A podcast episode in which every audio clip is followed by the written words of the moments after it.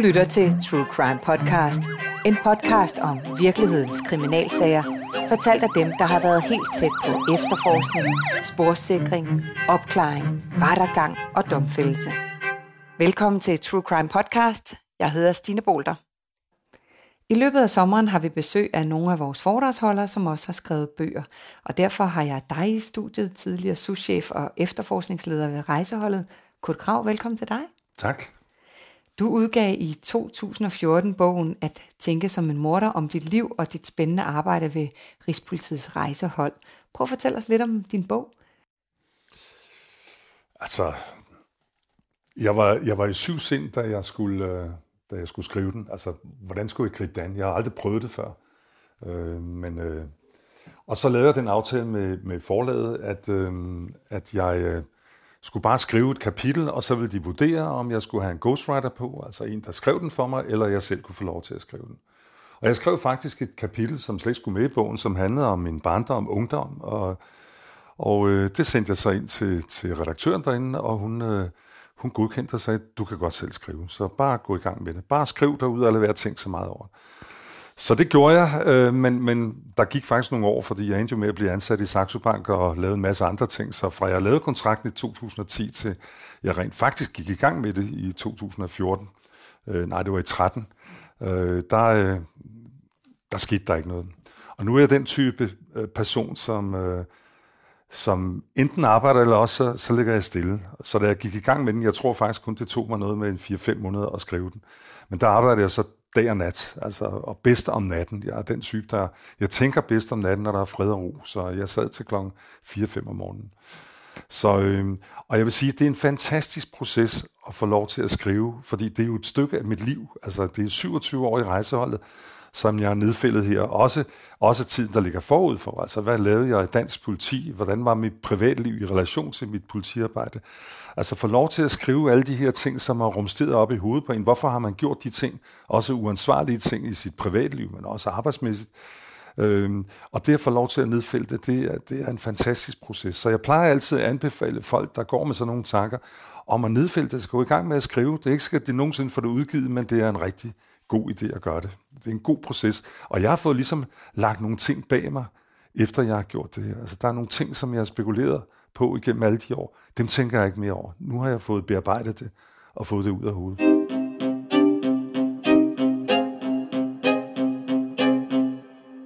Noget af det, som øh, i hvert fald gjorde stort indtryk på mig, da jeg læste bogen, det er en en af de sager, du faktisk starter bogen med lige umiddelbart efter øh, foråret, og øh, jeg har peget ud et sted, jeg gerne vil have dig til at læse op fra, som jeg viser lidt ind i kapitlet, men jeg synes godt, man kan følge lidt med alligevel. Øh, vil du prøve at læse det op for os? Ja, det er jo fra en sag, som, altså jeg har jo kun taget de sager ud, som har gjort stort indtryk på mig, øh, på en eller anden måde.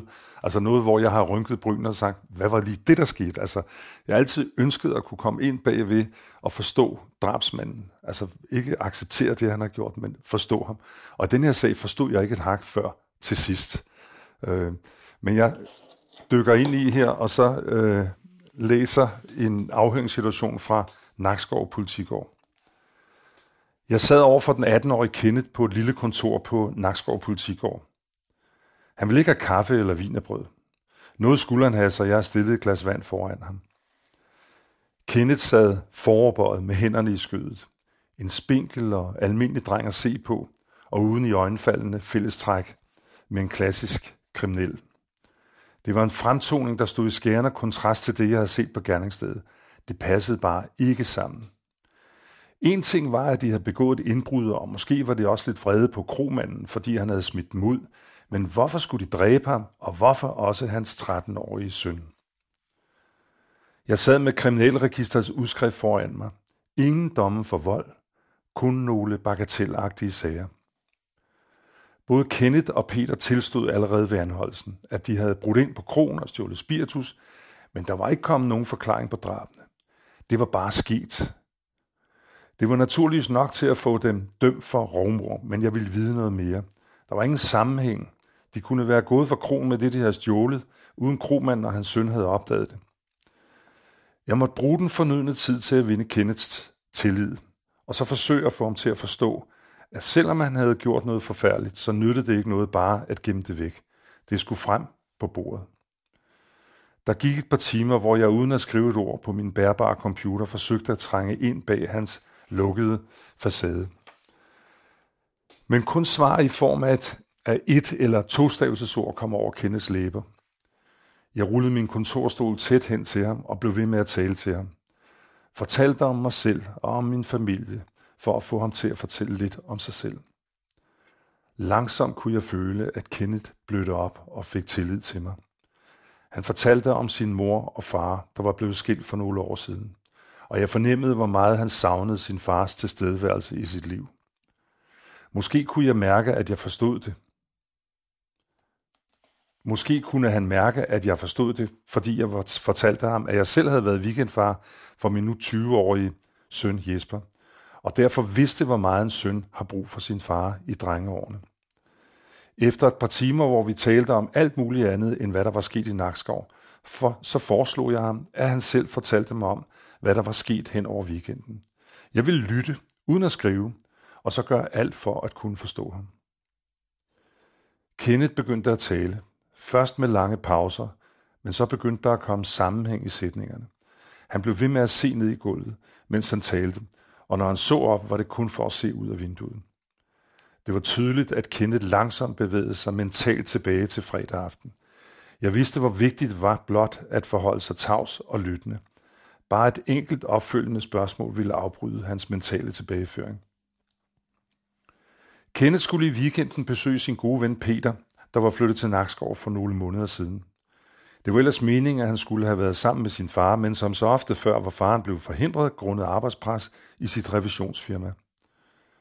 Normalt sås han og faren kun hver fjerde weekend, eller rettere når det passede ind i driften af revisionsfirmaet, og det gjorde det sjældent. Kenneth ankom med toget til Nakskov sent fredag eftermiddag og spacerede det sidste stykke fra stationen hjem til Peter. De havde lært hinanden at kende, da de begge gik på efterskole, og siden havde de holdt forbindelsen ved lige. Ingen af dem havde kærester, ikke fordi de ikke var interesserede, men det var bare ikke aktuelt. Stemningen mellem dem var i starten højlydt og præget lidt overskruet godt humør, men det gik hurtigt over til at blive mere afdæmpet og formelt. De satte sig i Peters slitte sofa og drak billig dåseøl, som Peter havde bragt hjem med Rødbyfærgen fra Tyskland. Peter havde lejet nogle splatterfilm, som de uinteresserede fulgte med i. Det var mere for at udfylde de lange pauser i deres samtale.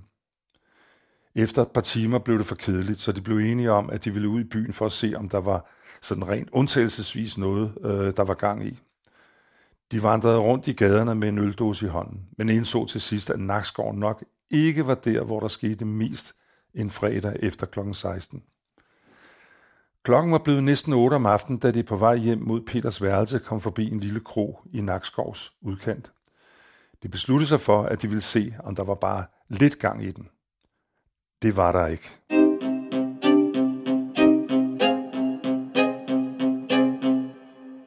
Og så stopper vi der øh, som en cliffhanger, som man siger i en amerikansk film, fordi så kommer der til at ske en hel masse her bagefter. Men det kan man jo læse, hvis man nu køber bogen øh, At tænke som en morder. Netop den her titel, At tænke som en morder, øh, jeg plejer jo også at sige til dig, at du er jo virkelighedens lakur fra rejseholdet, det er serien Rejseholdet, hvor han sætter sig ind og forsøger at tænke som en morder og lukker øjnene på et gerningssted. Er det sådan, øh, du har arbejdet? Ja, men, øh, faktisk ubevidst. Altså, øh, jeg har ikke, jeg har ikke sådan haft det som, som sådan et billede inde i mit hoved, at jeg skulle tænke som morder, men, men jeg har altid været øh, meget interesseret i at få en forklaring på alting. Altså, jeg har nok været det, som mine chefer vil kalde for irriterende nysgerrig. Altså, blandede mig i ting, jeg ikke skulle blande mig i, fordi jeg ville have en forklaring. Altså, jeg har aldrig accepteret, øh, at der er blevet sagt sådan og sådan, og derfor er jeg jo på alle måder en atypisk politimand, øh, og har fået mange øh, øh, reprimander og, og, og meget kritik af, at, øh, at jeg ikke bare accepterede tingene, som de var. Og sådan har det også været, når jeg sidder over for en gerningsmand, over for en drabsmand. Altså, jeg vil, jeg vil simpelthen vide, jeg vil vide, hvorfor. Og titlen at tænke som morder, det var nok ikke noget, jeg fandt på. Det var redaktøren på People's Press, der fandt på det. Øh, og i starten synes jeg, det var lidt popsmart, men, men, men desto mere jeg tænkte over det, så gik det op for mig, jamen det er jo det, det hele det handler om, at tænke som morder. Og det var jo også det, jeg gjorde, altså i, i forbindelse med vores konsulentvirksomhed for Danmarks Radio, da de skulle, da de skulle starte hele rejseholdsserien op, jamen der skulle jeg jo undervise manuskriptforfattere og skuespillere i, hvordan man agerede øh, som efterforsker, og blandt andet som den, der havde ansvaret for gerningsstedet. Og der er det rigtigt, jeg forklarede jo lidt om, hvordan jeg kunne finde på at, i en sag, der var uopklaret, og køre ud på gerningsstedet, altså flere måneder efter, og låse mig ind og sætte, sig, sætte mig på en stol midt i, i spisestolen, og så lukke øjnene, og så tænkte jeg jo tilbage på alle de ting, jeg havde læst, alt det, jeg havde fået videre, kriminalteknikere, retsmediciner, det vidner havde fortalt, altså naboer og andre, og så prøvede jeg på at forestille mig, altså, hvad var det, gerningsmanden havde, havde gjort? Altså, hvad var hans modus, som det hedder? Og øh, så derfor, jeg har gjort sådan, jeg har tænkt sådan, altså jeg har tænkt, forsøgt at sætte mig ind i tankegangen, og nogle gange, så er jeg ramt helt ved siden af, men, men der er også mange gange, hvor jeg har ramt faktisk plet. Så det er vigtigt, og hvis ikke man har den egenskab, at man kan forstå andre menneskers øh, liv og måden at agere på, så skal man ikke være efterforsker. Men man skal sgu heller ikke være øh, pædagog eller, øh, eller socialrådgiver, eller hvad ved jeg. Altså, hvis man arbejder med andre mennesker, så skal man lære at forstå, hvorfor de gør, som de gør. Mm, ja, men det lyder jo helt uhyggeligt at sidde et... Man forestiller sig nærmest, at der stadigvæk er, er kridtstreger og blod op ad væggene, men det ved jeg godt, der nok ikke var. Men, jo, det var der faktisk. Nå, det var der nogle ah, kridtstregen der, det er noget, ja. man mest ser ja. på film, men, men, men, men altså, der, øh, der det, det har været, for vi beholdt altid gerningsstedet indtil sagen var opklaret. Så nogle gange har vi haft det et halvt år, så vi kunne køre ud, og så lave nogle, nogle øh, opfølgende undersøgelser. Det skete ofte det, når vi har talt med nogle vidner, at så, så fremkom der nye spørgsmål, som vi ikke rigtig kunne øh, finde ud af. Så kørte vi ud på gerningsstedet, og, så, og ud fra det blev vi så klogere igen, så vi beholdt det altid. Men det er ikke uhyggeligt? Nej, altså sådan har jeg aldrig opfattet det. Øh, jeg, jeg synes, det har været... Altså det er jo det der med den professionelle vinkel. Altså, øh, jeg har været, jeg har været super dedikeret altså over for den opgave, jeg stod overfor. Hvad er det, der er sket her? Og, og, og så det helt afgørende spørgsmål. Hvad er det for en person? Altså, hvilke karaktertræk kan du sætte på ham? Altså, denne ukendte gerningsmand. Og man kan jo fordybe sig ned i dit, øh, dit liv i, igennem den her bog, at tænke som en morder, og den kan man købe hos diverse øh, boghandlere, eller via os øh, True Crime Agency. Der er jeg sikker på, at du også gerne vil signere øh, et eksemplar eller to. Ja, selvfølgelig. Tusind tak, fordi du kom og fortalte os lidt om din spændende bog. Man kan jo også booke et af dine spændende foredrag igennem os hos uh, True Crime Agency. Det var alt her fra denne sommerpodcast. Du lyttede til True Crime Podcast, præsenteret af True Crime Agency. Jeg hedder Stine Bolter, og du kan læse meget mere om virkelighedens kriminalhistorie på truecrime.dk, hvor du også finder flere udgaver af True Crime Podcast.